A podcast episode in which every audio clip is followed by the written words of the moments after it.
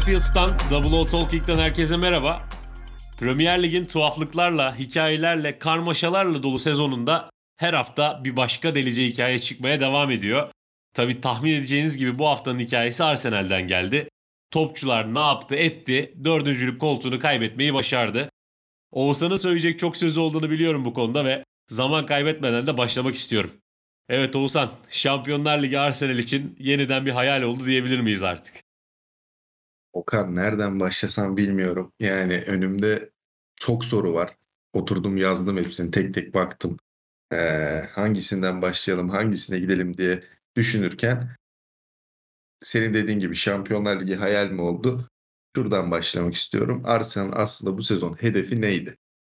Şimdi e, Newcastle maçıyla gelinen son noktada bazı şeyler yine patlak vermeye başladı. Hatta ummadık taş baş yarar hesabı Arsenal'ın o küçük gördüğü ya da e, değersiz bulunan maçlarda aldığı puan kayıpları e, Antonio Conte ve Tottenham'ı Şampiyonlar Ligi'ne itti gibi gözüküyor. Yani aslında burada e, evet Tottenham çok iyi bir oyun oynadı Conte'nin gelişiyle ama Arsenal bütün yakaladığı fırsatları elinin tersiyle itti. Şimdi benim burada aslında bu konuyu konuşurken ben soru cevap gibi gidelim istiyorum. Ee, uzun uzun evet konuşmak istiyorum ama e, senin de düşüncelerini merak ediyorum. Öncelikle ben e, sezon başındaki hedefler Arteta başarılı mı? Arteta başarısız mı? Oyuncular yeterli mi değil mi diye bakmak istiyorum konuya. Ee, Şampiyonlar Ligi hedefliyor muydu Arsenal? Bence yine hedef her zaman Arsenal Şampiyonlar Ligi'ni hedefliyordur. Yani Avrupa Ligi'ni e, hedefleyip sezona başladı düşünmüyorum. Ama burada dikkat çeken unsur kadro kalitesi Şampiyonlar Ligi için yeterli miydi? Yani şu an United'ın bile Arsenal altında olması bir sürprizdi herkes için kadrolara bakıldığında. Ne kadar kötü bir United izlesek bile. Şimdi bu doğrultuda ara transfer döneminde de hamle gelmemesi ve Arteta'nın bu kadroyla baş başa kalıp uzun vadede e, yeni bir Arsenal yaratmaya çalışması hikayesi vardı. Tüm bunları topladığımda yani Arteta başarılı mı dersen Arteta kulüp yönetiminde ve takım içinde yarattığı karakterle ya da uzun vadede gösterdiği planla evet başarılı. Ama Arteta e, buna birazdan da daha derinden değiniriz. Maç maç baktığım zaman sezon içindeki davranışları, tutumu, taktiksel planları, sahaya sürdüğü oyuncu seçimleri, takımı zaman zaman yönetim açısından kontrol edememesi durumlarında ben Arteta'yı bu konularda başarısız buluyorum. Ama burada suçlama olarak yani yönetimi de suçluyorum. E, oyuncu performansını da eksik buluyorum. E, transfer kalitesini de daha doğrusu transfer olmayışını da e, altın çizerek yorum yapıyorum. Ama bana sorarsan Arteta e, ligin son periyodunda e, başarısız bir görüntü çizdi. Bunu evet gitsin ya da takım bıraksın diye yorumlamıyorum. Şu an Arteta'nın uzun vadede yapabileceklerini hepimiz farkındayız. E, yarattığı kadronun da hepimiz farkındayız ve bunun üstüne e, takviyeler bekliyorduk. Hatta geçtiğimiz kayıtlarımızda şunu söylemiştim. E, bu Şampiyonlar Ligi'ne katılım hakkı gerek Arsenal için gerek Tottenham için sadece bir Şampiyonlar Ligi anlamına gelmiyor. Gelecek yıllardaki planlamanın en önemli etkenlerinden biri olarak gözüküyor demiştim. Bunun da en büyük sebebi hatta bugün haberlere çıkan işte Gabriel Jesus, e, Yuri Tillemans gibi isimlerin Şampiyonlar Ligi yoksa Arsenal'a gelmeyiz haberlerin ortaya çıkmasıyla da çok net belli oluyor. E, ben şimdi topu sana atayım. Sence Arteta bu sezon başarılı mıydı yoksa başarısız mıydı? Ya buna gerçekten çok farklı perspektiflerden, pencerelerden bakmak lazım. Çünkü genel tabloda Arteta bence başarılıydı. Yani sezonun nasıl başladığını hatırlayalım. Sezonun e, ilk başında yaşananların kulüpte, taraftarlarda yarattığı etkiyi hatırlayalım ve takımın oradan çıkıp geldiği konumu düşünelim. Bu açıdan evet başarılıydı. Ama Arteta'nın başarısız olduğu şey e, nasıl ifade edeyim bilmiyorum. Yani ayağına gelen, eline böyle altın tepsiyle sunulan ve kulübün belki geleceğini, kendi geleceğini de doğal olarak şekillendirebilecek olan inanılmaz bir fırsatı o kadar saçma bir şekilde kaybetti ki yani ben bunu anlamakta güçlük çekiyorum. Yani bu hikaye böyle başlamış, müthiş bir şekilde devam etmişken bu hikayeyi Arsenal tarihine geçirebilecek bir e, hale bürümüşken ya o kadar kabul edilemez ki. Ya ben sana hatta e, buradan girip tekrar e, söz vereceğim. Yani Arsenal'ın e, buraları yani dördüncülük koltuğunu Tottenham'a kaybetmesi evet işte Conte'nin gelişi, Kulüşevski, Bentancur sen de özellikle değineceksindir. Onların takıma getirdiği dinamizm. Conte'nin Tottenham'ın gözden çıkardığı hatta futbolun gözden çıkardığı işte isimlere yaptığı o minik dokunuşlar. İşte Doherty ortadan kaybolacakken Doherty'yi Conte'nin parlatması. Barcelona'nın gözden çıkardığı Emerson Royal Tottenham'a geliyor. Tottenham'da birkaç maç oynuyor. Tottenham da gözden çıkarmak üzereyken Conte geliyor bir dokunuş yapıyor. Evet bunlar çok daha uzatırız. Çok daha detaylı konuşuruz ama Arsenal'in kaybettiği maçlara bakalım. Yani Brighton'lar, Crystal Palace'lar, geçtiğimiz hafta Newcastle United. Yani bu e, ben şunu kabul edemiyorum. Yani bu maçlar Arteta için işte Tottenham'la karşı karşıya gelinse, e, Liverpool'la oynansa, daha ne bileyim West Ham olsa bu takım. Böyle bu, bu tarz isimler olsa, bu, bu tarz takımlar sayıyor olsak diyeceğim ki evet hani e, bir e, challenging durum vardı. Bu durumdan dolayı Arsenal işte başkalarının hedeflerinin altında kaldı.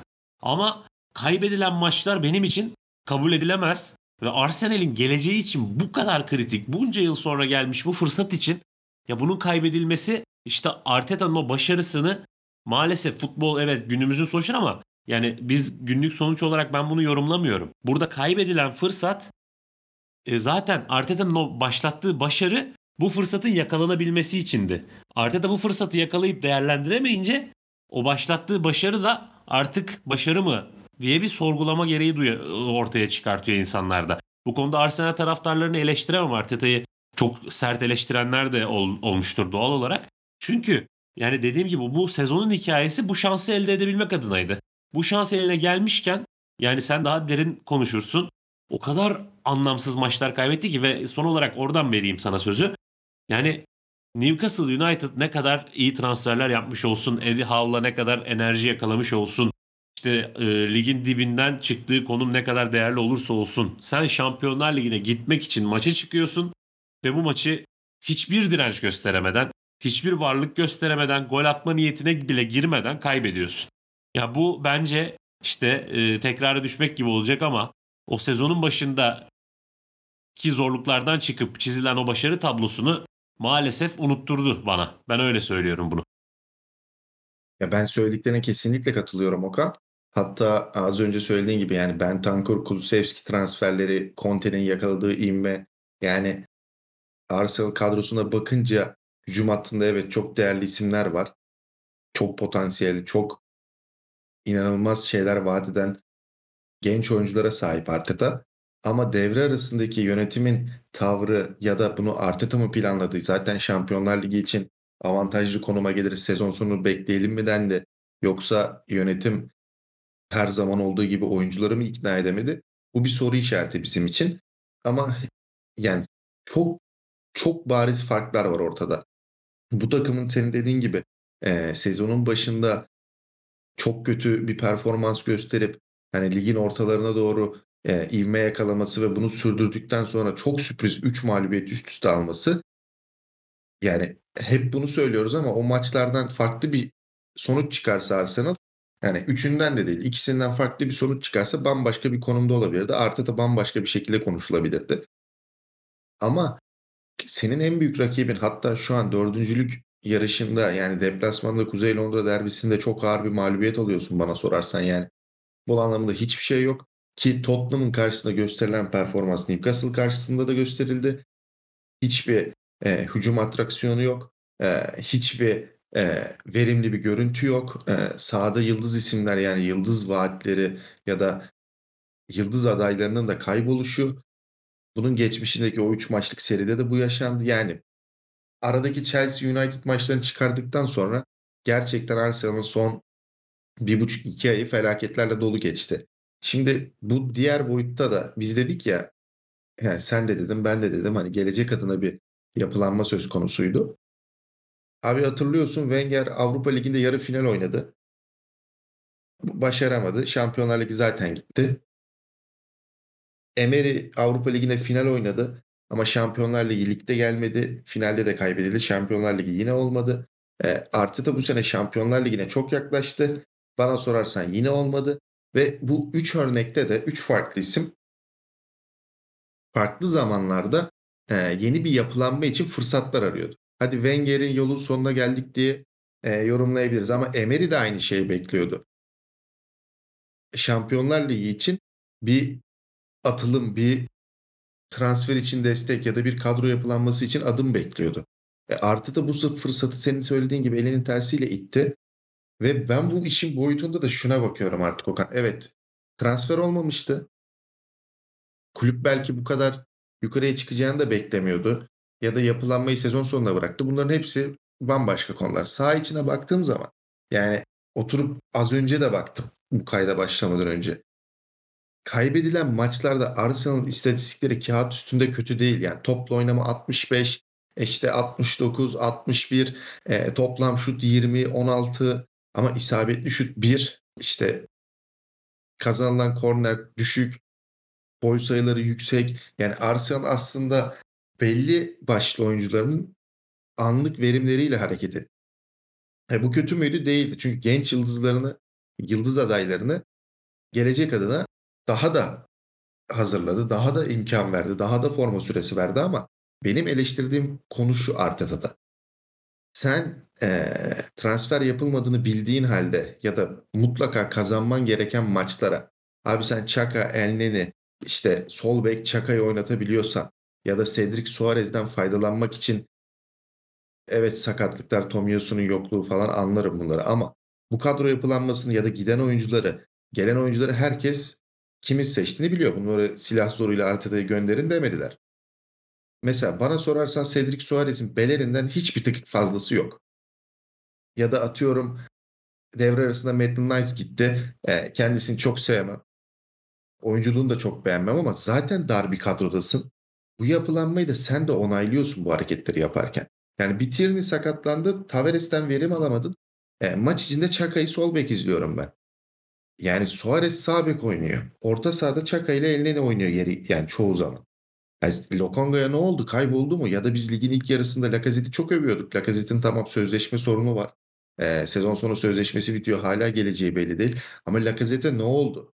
Yani Lacazette ortadan kayboldu. Evet korona süreci oldu falan filan. Ee, ufak rahatsızlıklar. Bir anda yok oldu.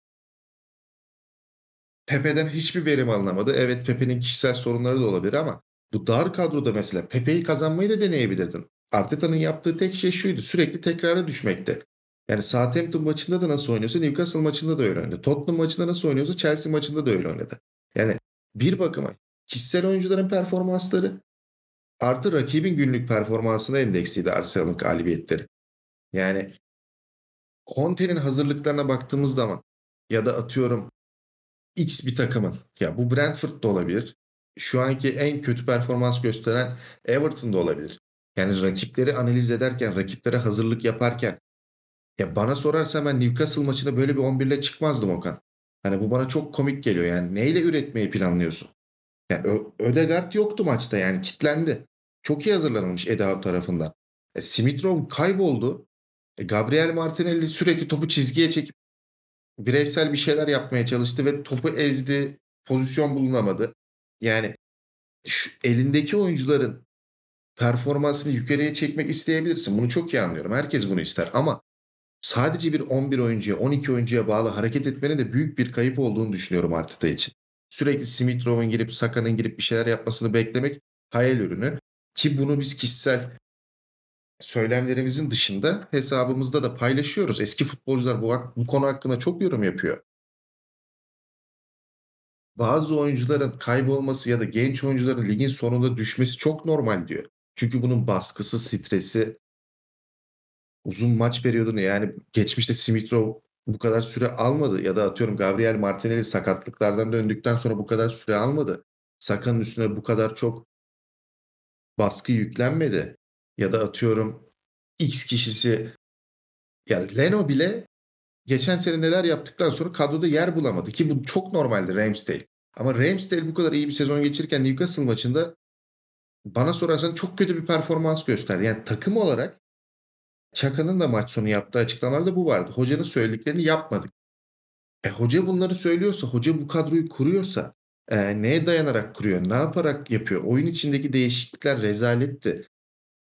Çok fantastik şey. Yani bana sorarsan Çaka'yı sol bek oynatmak küfür gibi bir şey Okan yani. Bunu bunu izlemek için o insanlar oraya gitmiyor ya da e, televizyon başına oturup Arsenal maçını izlemek istemiyor yani. Bu konuda çok yorumunu merak ediyorum. Oyuncu tercihleri sence doğru muydu Arteta'nın bu sezon boyunca? Ya ben hatta şuradan direkt bağlayayım. Ee, birkaç kayıt öncesinde şunu konuşmuştuk. Çok iyi hatırlıyorum söylediğim şeyi. Arteta için belirleyici olan, e, olacak olan e, sahada bulacağı yeni metotlar demiştim. Çünkü yani Arsenal'in bu kadro dar yapısında e, rotasyonun zayıf olması vesaire düşünüldüğünde rakiplerin artık belli bir haftadan sonra Arsenal'in neresine odaklanması gerektiği, neresini durdurması gerektiği, neresine dikkat etmesi gerektiği ortadaydı. Bunu Arteta görmedi mi, çözüm mü üretemedi? Aslında bunu konuşmamız lazım. Çünkü yani e, bir krizin başladığı o 3 haftalık periyotta çok net ortaya çıkmıştı zaten. Ve e, bu geliyorum demeye başlamıştı. Arteta bence hatayı daha böyle radikal değişiklikler yapmak yerine daha güvenli, daha e, ne bileyim işte şakayı beke çekmek, işte Elneni'yi oyuna e, monte etmek gibi geçmişten gelen alışkanlıklara dönerek yani geçmişte bunlar sana Arsenal'e bir şey katmadı. Arsenal'i ileri götürmedi. Belki bir maç kurtardı. Belki birkaç maç e, güzel sonuçlara sebep oldu ama bizim baktığımız Arsenal'in şu an bakması gereken bu sezonu e, hedeflenen e, şans da ele gelmişken ne yaparsak yapalım bir şekilde başarılı olarak bitirelim ve bundan sonra artık o yıllardır işte senin Arsene Wenger'den e, getirdiğin e, Unai Emery ile birleştirdiğin sürecin artık e, hayata geçmesi için e, karşımızdaydı Arsenal. Ve orada artık bir çözüm bulunmasını beklerken biz e, Arteta çözümsüzlüğe doğru sürekli e, bir kör düğme düştü. E, döngüye girdi. Ya benim hayal kırıklığına uğratan buydu zaten. Yani takımın e, sahip olduğu işte yani ben mesela sen e, Maitland pek beğenmiyorsun ama o da benim biliyorsun e, futbol menajerden evlatlarımdan biridir yani. Uzun yıllar Bursa Spor'da kaptanlık falan yaptırmıştım ona. Yani e, Niles'ın performansını ya da işte yeterliliğini eleştirebilirsin. Yıllardır gelişmemesini düşünebilirsin ama bu dar rotasyonda kanat bek pozisyonlarında beklerde sorun yaşarken işte e, hücum katkısı verebilecek bir oyuncu olduğunu düşündüğümüzde vesaire mesela en başta bu dar rotasyonda Niles'ın gitmesine izin vermeyebilirdin. E, ve ben şunu da görüyorum Arsenal'de. Yani e, kadroya bakıyorsun üretebilecek oyuncular var ama bu oyuncuları üretmesi için ekstra pencereler açılma, açılmadığı çok aşikar yani. Sen de buna katılıyorsundur. Maçları benden çok daha detaylı, çok daha dikkatli izliyorsun. Yani Arsenal'in sahada oyun ya bir Chelsea maçı oynadılar. Çok enteresan hani 40 yılda bir bir denk geldi ne oldu? Chelsea maçında inanılmaz bir Arsenal izledik. Ben dedim ki evet tamam. Hatta geçen haftaki podcast'te ben dedim ki Arsenal bu saatten sonra bu dördüncülük koltuğunu ne olursa olsun vermez. Ama yani Newcastle karşısında oynanan oyunu ben gerçekten bir futbol sever olarak kabul etmek istemiyorum. Ya işte şaka diyor ki antrenörün dediklerini yapamadık. Tamam bu çekirdek genç ama bu çekirdeği de e, o gençliğin ateşiyle bu gelecekte sunacağım projeyle ateşlendirmek ekstra yani e, ligin geldiğiniz haftası Premier Lig'de herkesin kondisyonu yüksek, herkesin fiziksel kapasitesi yüksek evet ama oynanan maç sayısı, gelinen nokta, işte Newcastle'ın mental olarak geçtiği zorlukları falan da düşün. Ya da işte kaybedilen maçlarda da e, baktığında yani seni ekstra motive edecek bir sürü kaynağın vardı. En azından bunları kullanmalı. İşte maçı e, haralı gürele bir oyuna da dökebilirdin. İşte koş koşa hani ya biz ne olursa olsun saldıralım, gençliğimizi kullanalım. E, oyunu karambole çevirelim ama işte Saka, Emil Smith-Rowe bir anda aradan çıksın fırlasın. Bir e, karambolden Martinelli'nin o patlayıcılığından faydalanalım bir şekilde bir e, çözüm üretelim mantığına da bürünmedi Arsenal. Ben bunu görmedim yani en azından. Sen de dersin bilmiyorum. Ya bir aksiyon, bir ateş bekliyordum ben Arsenal'den. Ve e, yani yine hani biz demiştik gibi olmasın ama önceki haftalarda hep konuştuğumuz bu Arsenal'in e, genç çekirdeğinin yapacağı şey e, hem onların gelişmesi hem de kulübün gelişmesi için çok önemli olacak dedik. Maalesef sınıfta kaldılar. Ya ben hani e, tekrar sözü sana vereceğim. Çünkü Arsenal konusunda senin söyleyecek daha çok şeyin olduğunu da biliyorum. Yani e, Şaka, Elneni işte bu takımın lider isimleri artık bence e, lider değiller. Yani Elneni'yi lider olarak saymıyorum tabii Şaka'yı sayıyorum en başta. Yani bilmiyorum Arsenal'in ihtiyaç duyduğu lider Şaka değil. Ve Lacazette'in ortadan kayboluşu. Yani Lacazette'in ortadan kayboluşunda da Arteta'ya bir soru sormak lazım. Yani sözleşmesi bitiyor olabilir. Bu adam gidecek olabilir ama ya sen artık o ufukta gördüğün ışığa koşarken ne olursa olsun Lacazette gibi bir lideri şakadan daha çok ön plana çıkarmalısın. Yani Lacazette'e gerekirse demelisin ki sen büyük bir lidersin. Takım içerisinde, oyun içerisinde yani oyun takımın hücumdaki çeşitliliği, o işte Saka'yı, Emil Smith-Rowe'u e, cep koşularına, e, half zomb koşularına sokacak adam sensin. E, bunları yap, göster bize diye böyle ekstra motive edebilirdin. Hiç ben öyle bir şey yaptığını düşünmüyorum, görmedim. Bilmiyorum sen nasıl devam ettirirsin. Ya söylediklerin kesinlikle doğru. Yani kadroya bakınca Okan yani ben şunu anlamıyorum aslında. Bu yani sürekli bir bazı oyuncuların üstünde bir nasıl diyeyim bir beklentim var. Mesela şu isimleri çok tekrarladık bugün. İşte Cedric Suarez, Chaka, Elneny, bana sorarsan Rob Holding. Ya bu bu isimler yani senin bir hedef koyduğun, senin uzun vadede plan yaptığın yere seni götürebilecek isimler değil zaten. Bu tutmadı yani. Bu geçmişte de tutmadı. E, şu anda tutmuyor. Ve bu isimlere bel bağlayarak e, bir noktaya gelemezsin. Ya yani 100 milyon yaklaşık 100 milyon sterlin harcandı Pepe. Yani bu işin bonservisi, maaşı, e, temsilci ücreti, o su bu su falan filan. Kocaman bir gider var burada. Yani bu oyuncuyu e, ben Pepe benim abim değil babam değil yani. Ben Pepe'yi savunacak halim yok. Ama senin dediğin gibi bu dar rotasyonda faydalanma aşamasında değerlendirebilirdi. Mesela şunu düşünüyorum ben. Benim mutlak galibiyetle ayrılmam gereken bir Newcastle maçı var. Yani dediğin çok doğru. Hatta Arteta da bunu kabul ediyor. Kendi de açıklıyor. Yani biz çıkıp boşaltmıyoruz şu an. E, Arteta ne dedi? Saka'ya karşı oyuncuların, e, rakip oyuncuların hazırlık yapması e, ya da onu zor duruma sokacak pozisyonlara itmesi doğal bir şey dedi ve sen de bunu çok güzel yorumlamıştın o zaman. Demiştin ki bu evet böyle genç isimlere böyle önlemler alınıyorsa bazı şeyler doğru gidiyordur. Bazı şeyler doğru ilerliyordur demiştin ki çok doğru. Çünkü bir oyuncu iyileştikçe daha da yıldızlaştıkça daha da verim alındıkça elbette önlem alınır. Şimdi bu doğrultuda mesela şundan örnek vereceğim. Newcastle maçına çıkıyoruz mutlak galibiyet arıyoruz. Sen Southampton maçına da böyle çıkmışsın. Crystal Palace maçına da böyle çıkmışsın. Brighton maçına da böyle çıkmışsın. Chelsea maçına da böyle çıkmışsın. United maçına da böyle çıkmışsın. Ee, hep aynı oyun oynuyorsun. Ya bana sorarsan ben şöyle bir 11 çıkartırdım. Yani 4-2-3-1 ya da e, sahadaki dizilime göre oyuncuların pozisyonları ayrı olarak söylüyorum. Benim mutlak gole ihtiyacım var. E, Ödegaard'ı ileride kullanamıyorum. Bir çözüm buldular. E, o zaman ben ne yapayım? Parti de yok orta sahadaki partinin olmayışı. Tierney ve partinin olmayışı zaten Arsenal darma duman etti. Bek verimi gitti. Orta sahada denge kayboldu. O zaman şunu yap. Yani oyunu daha hızlı oynayabilecek. Elini bir pas atmak için 25 saniye bekliyor. Yani Premier Lig'de oynuyoruz. Şu an e, Brentford'un orta sahası, Leeds United'ın küme düşme potasındaki Burnley'nin orta sahası bile bu kadar beklemiyor pas atmak için. E, o zaman ne yap? E, Çaka'yı koy defansif orta saha merkezin arkasına. E, Sambi Lokongo'yu koy. Ya da Elneni'yi hızlandıracak yanına 4-3-3'e geç. Ödegaard'ı geriye çek oyunu kurmak için. E, bu ileriye top gitmiyor ki adam ileride oyun kursun. Ya da ileride pozisyon bulamıyor ki oyunu açabilsin. Ya da Saka sağ köşeye gidiyor. İşte atıyorum Smith sol köşeye gidiyor. Topu oraya iletemiyorsa diagonal pas atıyor savunmada. Yani bu Arsenal'ın sahada görmek istediğimiz oyunu değil yani. Ki bunda Watford maçını örnek vermiştik. Biz Wenger mi futbolu izliyoruz zannetmiştik. Yani o gün bunu konuşmuştuk. Bu kadar geçişin olduğu yani bir maçta böyleyken bir maçta böyle ya da Chelsea maçında inanılmaz bir futbol oynayıp gidip 3 maç üst üste kaybetmek ondan önce. Yani bunlar bana çok komik geliyor. Ve ben 3 maç üst üste kaybettikten sonra bir elime kadroyu alırım. Ya da bu maçın analizini yaparken sadece istatistik kağıdına bakmam. Ya burada Arteta'nın ne planladı, ne düşündü ya da oyuncuların kişisel problemlerini hiç ortaya koymadan yani bir menajer olarak bunu yaparsın. Mesela Rob Holding'in performansını değerlendirirsin. Yani gidip e, Çaka'nın sol bekteki verimini değerlendiririz. Mesela ben bir takım olsam bunu seninle e, bir saat önce konuştuk. Yani ileride Martinelli oynuyorsa, geride de Çaka varsa o kanatta ya ben büyük ihtimal maden buldum derim rakip menajer olsam. E, hücumdaki zaten hücumda kalıyor. Çok top oynamayı seviyor. Çok kendini yoran bir oyuncu Martinelli. E, Çaka'nın hızı. Mesela Çaka'nın Newcastle United maçında yaptığı 3 foul'ün 5 yani 3 foul'ün 3'ü de sürekli Çaka'nın yaptığı hareket. Çünkü hızlı oyuncuya karşı bir tepkisi yok bu adamın.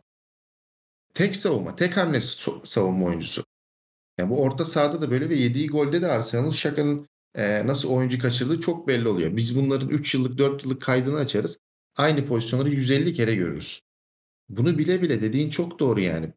eskiden tutmayan bir şeyi e, bu sezonu geçiştirmek için ya da bu fırsatı bulduk devam ettirelim diye bakarsan hiçbir şey olmaz. Şimdi benim Arsenal konusunda da son yani konuşsak gerçekten 2 saat, 3 saat, 5 saat tek tek oyuncu performansı da konuşuruz. Menajerin de maç maç seçimine de bakarız. Hatta biz burada e, Double O Talking kayıtlarında daha çok işin taktik ve analiz kısmından ziyade daha çok psikolojik, daha çok e, form, takım, kulüp, e, menajer performansına odaklanıyoruz. Yani işin daha çok futbol, taktiklerin kısmına girmiyorduk. E, bugün belki bu kadar çok girdik. E, belki bu konuda bu başlık altında daha derin, daha farklı isimlerle programlar da yapabiliriz. Şuna gelmek istiyorum. Son başlığımız da bu olsun bugünlük Arsenal'da. Gelecek adına Şampiyonlar Ligi'ne gidememek. Yani Okan istersen sen başla burada. Şu an bana sorarsan şöyle pas atayım sana. Yani Arsenal'ın şu an 20 yaşındaki bir önce yatırım yapmaya hakkı olduğunu zannetmiyorum. Yani bunu yaparak sürekli bu tekrarı düşmesinin anlamı yok artık. Yani elinde zaten bir çekirdek varken evet gidip atıyorum Chelsea'den Kante'yi ikna edemezsin zaten. Ya da atıyorum e, şu an Gabriel Cezus'u ikna etmek gerçekten çok zor. Bu yapılanma sürecinde gelecekte ne bekliyorsun bu takımla ya? Bir sezon daha yine ölecek mi? Şimdi sen, e, sen konuşurken benim aklımdan hep şu geçti. Yani zaten o bir, birkaç cümle önce oradan bahsetmiştin. Hector Beyer'in nasıl bu takımdan gönderildi? E, yerine koyulan oyuncular kimdi? E, Tierney yok olduktan sonra sakatlıklar sebebiyle nasıl sorunlar sorunlar yaşandı? Yani kadro e, yapılanması, kadro stratejisi, kadro management dediğimiz, e, squad management dediğimiz şey bundan ibaret aslında. Yani e, hücumda yani oraya bağlayacağım işte senin sorduğun konuştuğumuz noktaya oradan geleceğim. Şimdi e, sen hücuma geçişlerde, hücumda çoğalmada, hücumda opsiyon yaratmada, rakip savunmanın dengesini bozacak koşular yapan oyuncular bulmakta zorlanıyorsun. Şakayı solda kenarda deniyorsun falan. Ya Hector Bellerin bugün Arsenal'in kadrosunda olsaydı belki bambaşka şeyler konuşuyor olabilirdik. O kaybedilen 3 maç veya sezonun içerisinde takılınan üretimden e, üretim problemleri yaşanan maçlar. Yani bence e, Real Betis'e bu kadar kolay gönderilmesi vesaire ya detaylarını bilmiyorum sürecin. Mesela bence çok büyük bir hata, çok büyük bir e, stratejik problem yani. Buradan başlayayım öncelikle. E, zaten esasında söylememiz gereken, transferle alakalı konuşmamız gereken de bu. Yani Arsenal için şimdi e, gençlere yatırım yapmak zaten Arsenal'in kültüründe var. Bu okey, bunda sıkıntımız yok. Ama e, esas problem burada başlıyor. Sen e, contender, yarışmacı, işte e, hedefleri olan bir takım olmadığın zaman Saka'yı ne kadar elinde tutabilirsin? Saka'yı Manchester City'nin atıyorum herhangi bir kulübün, Real Madrid'in, X kulübün, Y kulübün, yarışmacı kulübün cezbetmesini ne kadar süre engelleyebilirsin? E, önümüzde Harry Kane örneği var. Antonio Conte gelmese, Antonio Conte ona bu kadar e, gelecek vadeden bir oyun ortaya koymasa ve ben şunu da söyleyeyim yani Antonio Conte'nin gösterdiği şeyden sonra Şampiyonlar Ligi biletinin alınmasından bağımsız bence Kane kalacaktı. Çünkü ona vaat edilen gelecekte bir ışık çok net gözüküyor. Kane'i şu an tutabilirsin. Ama Saka böyle devam eden bir Arsenal'de yaşı birkaç sene geçtikten sonra o ahde vefa işte çıktığım kulüp düşüncelerine kimse bir Marco Reus değil bu dünya futbolunda artık. Ya bunları çok net görmek lazım. Arsenal o yüzden zaten bu Şampiyonlar Ligi'ne bu kadar ihtiyaç duyuyordu. Bence hani Arsenal yine altyapıdan onlarca oyuncu çıkartmaya devam edecek ama işte bu sezonun sonunda gördük yani senin oyunu bir lider saha içerisinde hadi çocuklar hadi gençler oynayacağız bu oyunu bunları bunları yapacağız diyecek bir adama ihtiyacın var. Ama sen o koltuğu tutamadığın için o koltuk şansı bu kadar net elindeyken bu kadar kolaylaşmışken kaçırdığın için e, gelecekte sana e, bu yolu gösterecek oyuncuyu getiremiyorsun. Ekstra olarak senin oyuncu o yaşlara geldiğinde seninle kalmak istemiyor. Bence olayın çok basit e, tanımı bu. E, Emil Smith Rowe biraz palazlandıktan sonra biraz performansı arttıktan sonra Arsenal hala hala buralarda tökezliyor olursa nasıl tutacaksın? İşte o noktada Arsenal'in e, yani bence Arteta'nın da düşünmesi gereken bu. İşte Gabriel Jesus vesaire oyuncu ismi olarak değil. Arsenal'in bu sıkışık yaşadığı bu problemler Arsenal gelecek sene de bence çok şey vaat edecek. Ee, yine bu pozisyonlar için savaşacak ama Arteta oturup şapkayı önüne koyup bu takımın kulübedeki lideri benim. Ama bu takıma saha içerisinde yol gösterecek ve aynı zamanda iş yapacak. Yani sadece yol göstermekle şakanın gösterdiği yol kusura bakmayın. O yoldan hiçbir şeye hiçbir sonuca ulaşamazsınız. Çünkü senin söylediğin şaka e, saha içerisinde yani şakanın kariyer özeti bu. Avrupa Şampiyonası'nda da bu. Ee, önceki sezonlarda da bu. İşte ha, çok yetenekli bir oyuncu olabilir. İşte çok önemli bir lider olabilir. Attığı şutlar, e, kullandığı duran toplar vesaire ama e, savunmada yedirdiği goller, yediği çalımdan sonra yaptığı hareketler, yediği kırmızı kartlar vesaire e, benim Arsenal'im gördüğüm yani ben bir Arsenal'li değilim ama o Arsenal'i içselleştirip bir Arsenal taraftarı olarak kendimi oraya koyduğum zaman e, düşünüp ben Şaka'yı lider olarak görmek istemiyorum maalesef ve Arsenal'in planları buysa eğer geçmiş olsun. Kante'yi lider görebilirsin bak. Kante sana göre bir lider olmayabilir yani sana göre dediğim genel olarak bunu söylüyorum. Saha içerisinde işte höt zöt oraya gireyim buna gireyim takım ateşleyeyim lider. çalışma ahlakıyla etiğiyle sahada göstermeye çalıştığı canını dişine takmasıyla her şeyiyle lider Kante'dir. Arsenal'in ihtiyacı olan lider de Kante mesela. Ee, tanımlamamdan hani Kante olarak anlaşılmadığını biliyorum. İyi anlatabildim mi? Yani Arsenal'in ihtiyacı olan önümüzdeki sezon artık o sahada oyun sıkıştığında çıkıp böyle e, fo- santraforlar şey santraforlar diyorum stoperlerle dövüşüp o golü atabilecek takıma bir anda e, kilit e, ateş yakabilecek oyunculara yönelmesi lazım. Yani burada gerçekten önümüzdeki sezonun transferleri hem Arteta'nın hem Arsenal'in geleceği için artık hani çok çok çok kilit nokta olacak. Sen de buradan Arsenal'le ilgili söyleyeceğin son şeyleri söyle istersen. Ee, ondan sonra da başka konulara geçelim.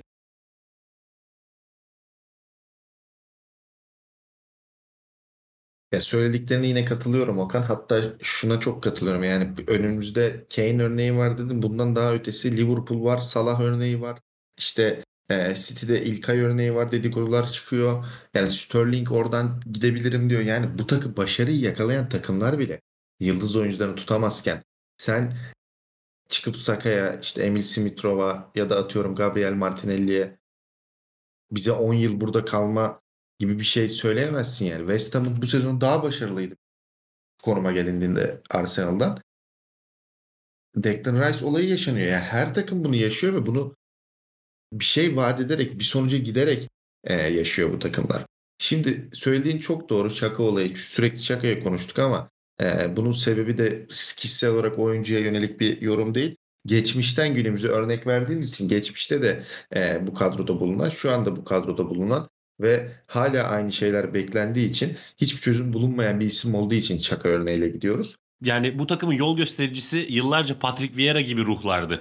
Robert Pires gibi, e, Bergkamp gibi, Henry gibi ruhlardı. Yani oradan sonra şakaya geçip de bunu yıllarca sürdürmek kabul edilebilir bir şey değil. Artık bunun değişmesi lazım yani. Şakanın e, futbolculuğu, şakanın e, karakteriyle alakalı değil bu. Yani sözünü kestim ama istersen devam et.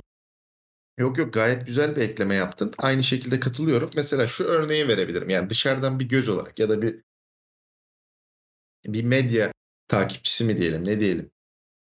Dünya basını takip ediyoruz, sporu takip ediyoruz, İngiltere'ye bakıyoruz, maçları takip ediyoruz. Elneni'nin şöyle bir açıklaması var.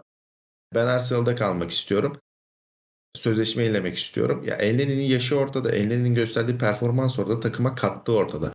Tamam. Elneni'ye ben kaç maç veririm Premier Lig'de hoca olsam, Arsenal'ın menajeri olsam. Elneni'ye derim ki ya 9 maç 10 maç oynarsın. Bunların da ortalaması 32 dakika falan olur derim.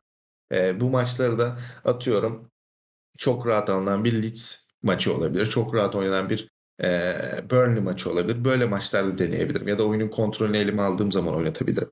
Şimdi Elneni bu takımda sözleşme bekliyor. Ki beklemesi çok doğal. Elneni'nin seviyesi artık bunun üstü ya da bu seviye değil. Ama sen elinden Aubameyang'ı bir nasıl diyeyim bir yangın gibi bir anda kayboldu gitti. Lacazette yaşı ortada ve rekabetçi bir takımda oynamak istiyor. Daha rahat bir ortamda oynamak istiyor. Sözleşmeyi bekletiyor mesela. Sözleşme olacak mı olmayacak mı belli değil. E sen zaten takımda tutman gereken isimleri ya da verim alman gereken isimleri doğru kullanamadığın zaman e, verimsiz isme de yapıştığın zaman bu adamlar sonuna kadar burada kalır. Mesela Chaka Roma ilgileniyor, o ilgileniyor. Ya niye gitsin abi adam? Yani burada forma süresi alıyor mu? Alıyor. Hep aynı şey yapmasına rağmen imkan tanınıyor mu? Tanınıyor. E şimdi bu bağlamda baktığım zaman gelecek planlamasına e, hücum hattında tamam çok iyisin. Savunmada da Ben White, Gabriel çok iyisin. Kalede de sorun çözdün. Sol bek tier'de sakatlık falan işte e, yoluna girmesini bekliyorsun. İşte Sabek Tomiyosu gayet yani kadroyu eline aldı. İlk 11 tamam zaten dersin ki hani bir, bir yıl daha oynasınlar verim alabilirim dersin. Sıkıntı bazı noktalarda çok sıkıntı var. Yani partinin olmayışı Arsenal orta sahasını bitiriyor bir kere. Şimdi sen partinin yanına çok iyi bir oyuncu bulabilsen ki ben bunu hep e, çok fazla bir örnek olacak belki ama Frank Kessie örneğini veriyordum. E, ki niye gelsin Arsenal zaten nereye gittiği de belli. Ki orası da çok başarılı değil şu an ama sen bu oyuncuyu gidip ikna edemezsin. Asıl bu oyuncuyu ikna ettiğin zaman Arsenal Saka'dan daha çok verim alabilir. Smith Rowe'dan daha çok verim alabilir. Yani e, gelinen noktada geçmişte de çıkan yetenekleri hatırlıyoruz. Yani Wilshere çıktı sakatlıktan bitti işte e, Abu Diaby sakatlıktan gitti. Ramsey bedelsiz ayrıldı. Evet elden belki çıkan oyuncular var. Manchester City'ye giden oyuncular var. Gelir alınan oyuncular var. Fakat işin sonunda kulübün kazandığı hiçbir şey yok. Bu bir kısır döngüye girdi. Evet dünya futboluna çok yetenekli oyuncular kazandırıyor Arsenal. Ama benim öfkelendiğim konu şu artık. Yani Arsenal'ın gidip e, Avrupa'da oynayan 23 yaşındaki bir oyuncuyu almasını ben istemiyorum. Ya da 22 yaşındaki bir oyuncuyu almasını istemiyorum. Bunun sebebi şu. Bu kötü bir yatırım mı? Hayır değil. Ama o oyuncunun gelip takımı bir üst seviyeye çıkartmasını bir zamana bağlıyorum ki bu zamanı yiyen zaten elinde oyuncular var. Bundan dolayı altyapıdan evet çıkart 10 tane çıkart 20 tane çıkart yeni Jack Wilshere'ler gelsin yeni Ramsey'ler gelsin atıyorum yeni Sakalar gelsin Smith çıksın e, işte Patino'lar gelsin bunda bir sıkıntı yok. Sıkıntı bu oyuncuları üst seviyeye çıkartacak oyuncuları ikna edememek ve Şampiyonlar Ligi'ne gidemediğin zaman Premier Lig'de rekabetçi olamadığın zaman bunu başaramıyorsun. Yani şu an Brentford'da sözleşme ellemeyen Christian Eriksen'i bile baş, sözleşmeye ikna edemezsin. Bu çok çok inanılmaz bir örnek yani. Ya bunun sonunda sen bunu nasıl değiştirmeye planlıyorsun dediğim zaman bir dahaki seneye bakalım mottosu var gibi geliyor bana Arsenal'da. Ee, beklentim de ciddi anlamda yani oyuncu bazında değil, isim bazında değil ama takım bazında yine bir tık kırıldı. Bir tık düştü. Umarım ya yakın ilişkiler ya boşta bedelsiz ya da gözden çıkan oyunculardan verim almaya yönelik hamleler olabilir. Buradan da topu e, aynı konudan devam ettireceğimiz seninle de konuşmuştuk. Tottenham'a geçmek istiyorum. Hatta bu sefer ilk soruyla ben sorayım. Tottenham cephesinde yeni bir yapılanma isteyen Conte, transfer isteyen Conte, Şampiyonlar Ligi biletini artık elinin avucuna almış bilete bakıyor. Şampiyonlar Ligi gitmeye hazırlanıyor. Bu şansı yakalayan Tottenham'ı nasıl buluyorsun? Ya ben Arsenal'i sadece şu cümleyle kapatacağım. Ondan sonra Tottenham soruna geçeceğim. Yani bence tabii ki e, çok mümkün değil ama yani artık stadın anahtarını verirsin, kulübün hissesini mi verirsin mesela İlkay Gündoğan'ı o takıma getirmen gerek mesela. Yani ütopik bir örnek belki İlkay Gündoğan'ın çok daha üst seviyeden talipleri çıkacak ya da kariyer rotası nasıl olacak oyuncunun bilmiyorum ama Arsenal'in ihtiyacı olan işte İlkay'ın o yarattığı sihire mesela Arsenal'in ihtiyacı var. Ben şu an e, mümkün olsa yani kulüpten hisse, stadın anahtarı, şehrin anahtarı ne verirsem veririm. Onu getirmeye çalışırım. Zaten bahsettiğimiz perspektifte bu Arsenal için. Arsenal'i ben de böyle kapatmış olayım. Ya Tottenham için e, bir arkadaşımla hatta bugün onu konuşmuştuk. Şöyle bir şey e, yaşandı. Yani Tottenham ve Conte birlikteliği öyle ayak sesleriyle geldi ki ve Tottenham e, dışında yani Conte'nin o varlığı lige öyle sirayet etti ki zaten adamın doğasında bu var. Ben geliyorum diyordu. Arsenal işte elindeki o fırsatı kaçırarak o Conte'nin gelişine öyle bir yol açtı ki e, bundan sonra e, artık benim ilk söylediğim ilk Conte'nin gelişinden sonra söylediğim şeye döneceğim. Yani demiştim ki Daniel Levy artık cebindeki akrebi çıkartsın bu takımın geleceği e, gerçekten artık parlak. Yani o işte Şampiyonlar Ligi'nde final kaybeden Tottenham değil bu. Bambaşka. O Şampiyonlar Ligi finaline gelirse o Şampiyonlar Ligi finalini kazanacak Tottenham bu. Yani iki transfer, iki e, minik ekleme takımı nasıl bir seviyeye çıkardı? Nasıl bir fark yarattı? Yani e, çok Arsenal üzerinden döndü ama işte o Bentancur, o Kulüşevski'yi e, kadroya getirme şansını Conte'den e, dışarıda konuşuyorum. E, bunları değerlendirmesi lazım Arsenal'in. Neyse Arsenal'i tamamen kapatıyorum artık. E, Tottenham boyutuna geldiğimizde yani Tottenham e, şu mesajı bana her gün, her maçta, her oyunda veriyor. Yani e, City, Liverpool ikiniz e, işte geçtiğimiz sene bu kriz yaşanmasa Chelsea üçünüz belli bir seviyenin takımıydınız. Belli bir seviyede birbirinizle oynuyordunuz. Rahat olun ben de geliyorum diyor.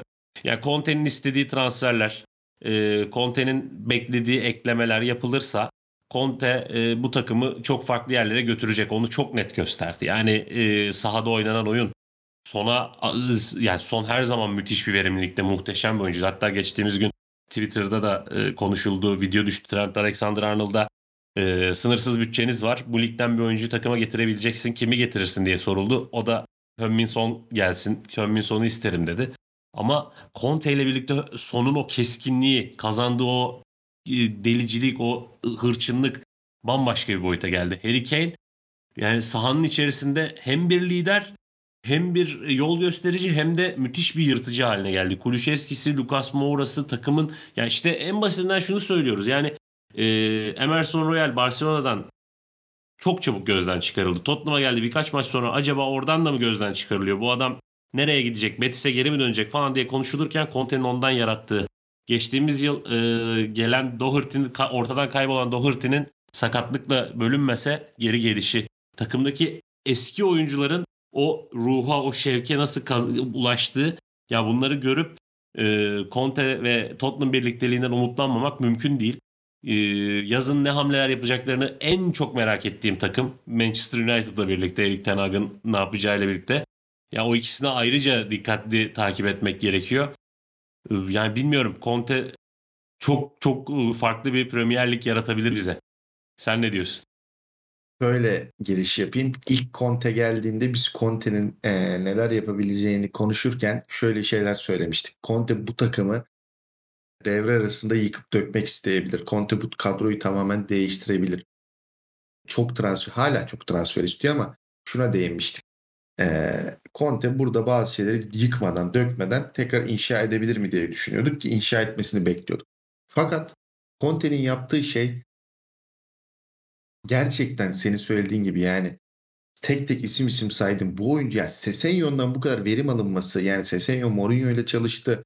E, Nuno Espirito Santo ile çalıştı. Hani geçmişte burada geldikten sonra büyük beklentileri vardı. Sesenyon şu an önünde Regillion olmasına rağmen formayı bırakmıyor. Ya da atıyorum Davis. E, yani Davis'in Tottenham'da forma giymesi ya da Oliver Skip'in e, bu isimlerin forma bulma şansını çok düşük bulurduk. Yani bu oyunculardan verim alamaz diye bakardık. E, Conte her şeyi baştan yarattı. Oyuncuları baştan yarattı. Çalışma prensibi, sürekli oyuncuların övdüğü antrenman e, metotları, e, yoğun presi, oyun anlayışı her anlamda oyuncuları kazanmaya başladı. Yani şu çok değişik gelecek ama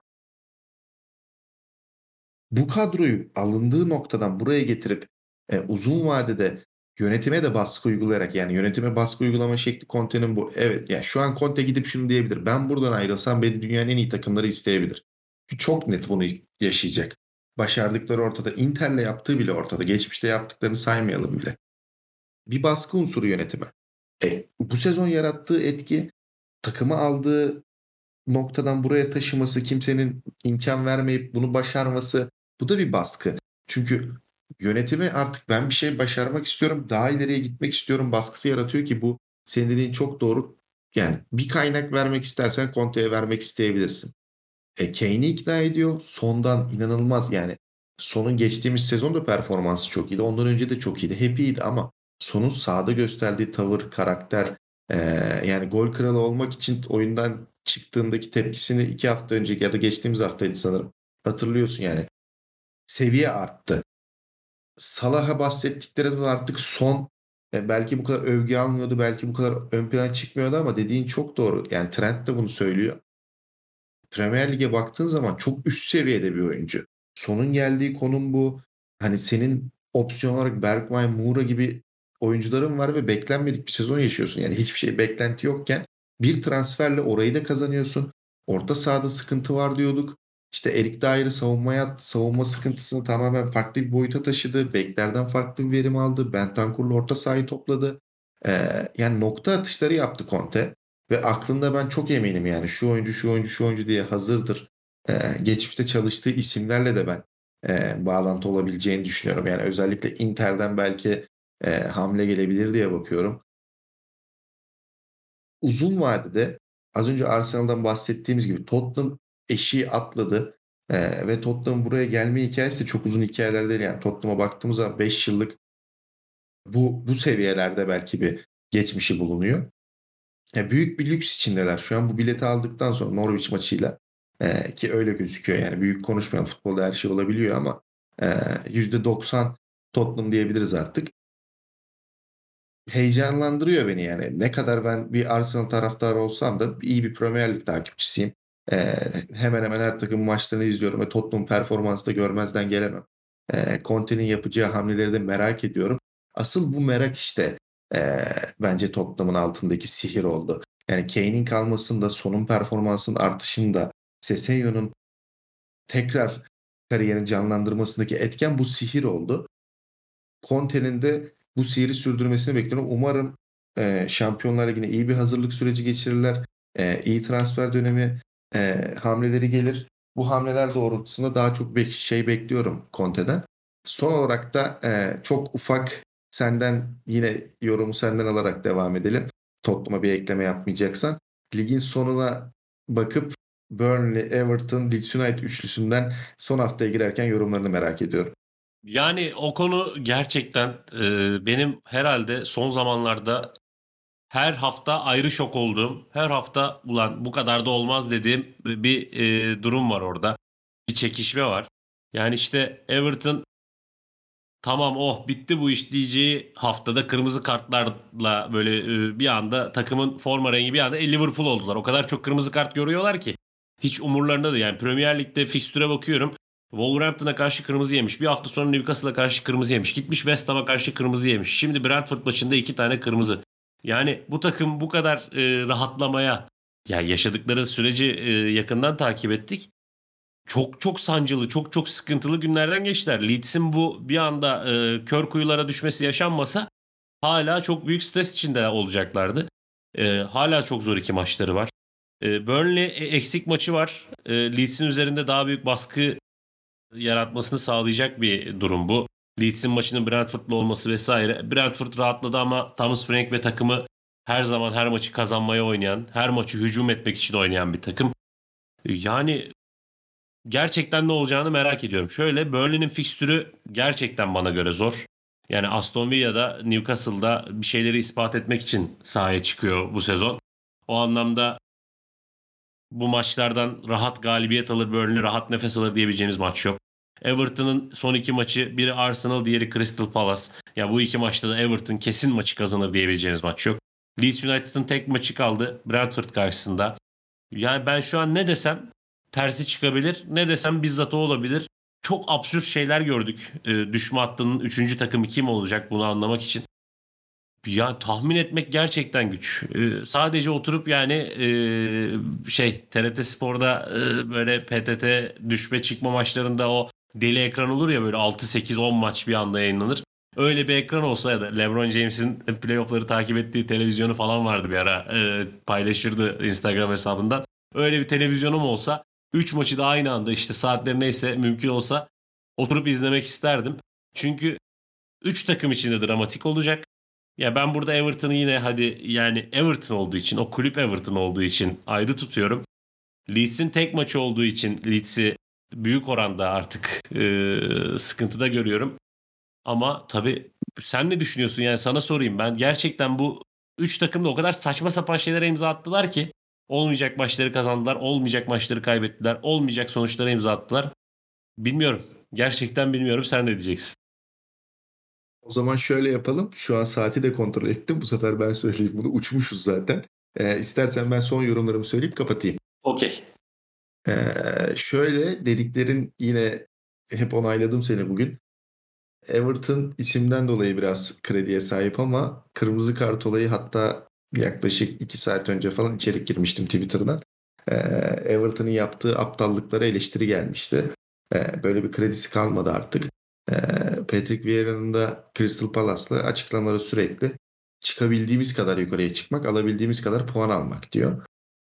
Yani Crystal Palace maçında Everton'ın alacağı sonuç ya bence Arsenal ne kadar kötü bir görüntü çizse de imaj olarak ya da sezon sonu kapatma açısından taraftarların önünde e, Everton'a kolay bir maç sunacağını zannetmiyorum. Ama Everton dediğimiz gibi Leeds Burnley ikilisinden dolayı e, daha şanslı bir konumda. Şu an maç eksiği de var ama belli olmaz. E, Burnley'nin iki maç eksiği var. Burnley'nin yani beraberlik alma şansı Newcastle maçı zaten çok zor bir maç olacak. E, Aston Villa'da Gerrard yaz planlarını yapmış gibi haberler görmeye başladım. e, gidecek kalacak oyuncular için de bence önemli maçlardan biri. E, görüntü olarak nasıl bir performans çizecekleri bence Gerard'ın aklında bir netlik kazanacak. Ya sonuçta 13. takım da yani Brentford örneği yani Brentford'un geçtiğimiz hafta yaptığı da Leeds karşısında yapacağı da büyük bir soru işareti. Çünkü e, artık olay biz ligde kaldık modundan çıktı Premier Lig'de bu sene. E, alabildiğimiz kadar alalım, gidebildiğimiz kadar gidelim e, kafasında bütün menajerler. Bunda da en büyük örnek Newcastle yani. Newcastle ligde kalmayı garantiledikten sonra e, vitesi düşürmedi ya da Brentford düşürmedi. Dediğim gibi benim e, Burnley'nin fikstürü çok zor buluyorum. Kolay değil. Ama Leeds'in de maç eksiği olması ya hep şunu söyledik yani Burnley'nin geri döneceğini düşünmedik. E, Burnley geri döndü. Bence Burnley bu geri dönüşüyle ben, bana sorarsan ligde kalmayı hak etti kalsın isterim. Leeds United'da Bielsa'ya e, yol veriş şekli ve e, hiçbir şeyin değişmemesi belki bir e, benim aklımdan Leeds United düşse ben daha çok sevinirim gibi geliyor şu an. Yani Leeds United'ı bu sene ligde kalmayı hak ettiğini düşünmüyorum. Şans eseri puan almışsa da almış gibi geliyor bana. Ama dediğim gibi Burnley'nin oynayacağı maçlar Everton'a kesinlikle düşmeyecek diye düşünüyorum şu an. Beraberlikler alsa bile ya da bir beraberlik bir mağlubiyet alsa bile alttaki takımlar e, alacakları sonuçlarla onları kurtaracak gibi geliyor. Bakalım son hafta nasıl olacak? Bizi dinlediğiniz için teşekkür ederiz. Haftaya görüşmek üzere. Görüşmek üzere.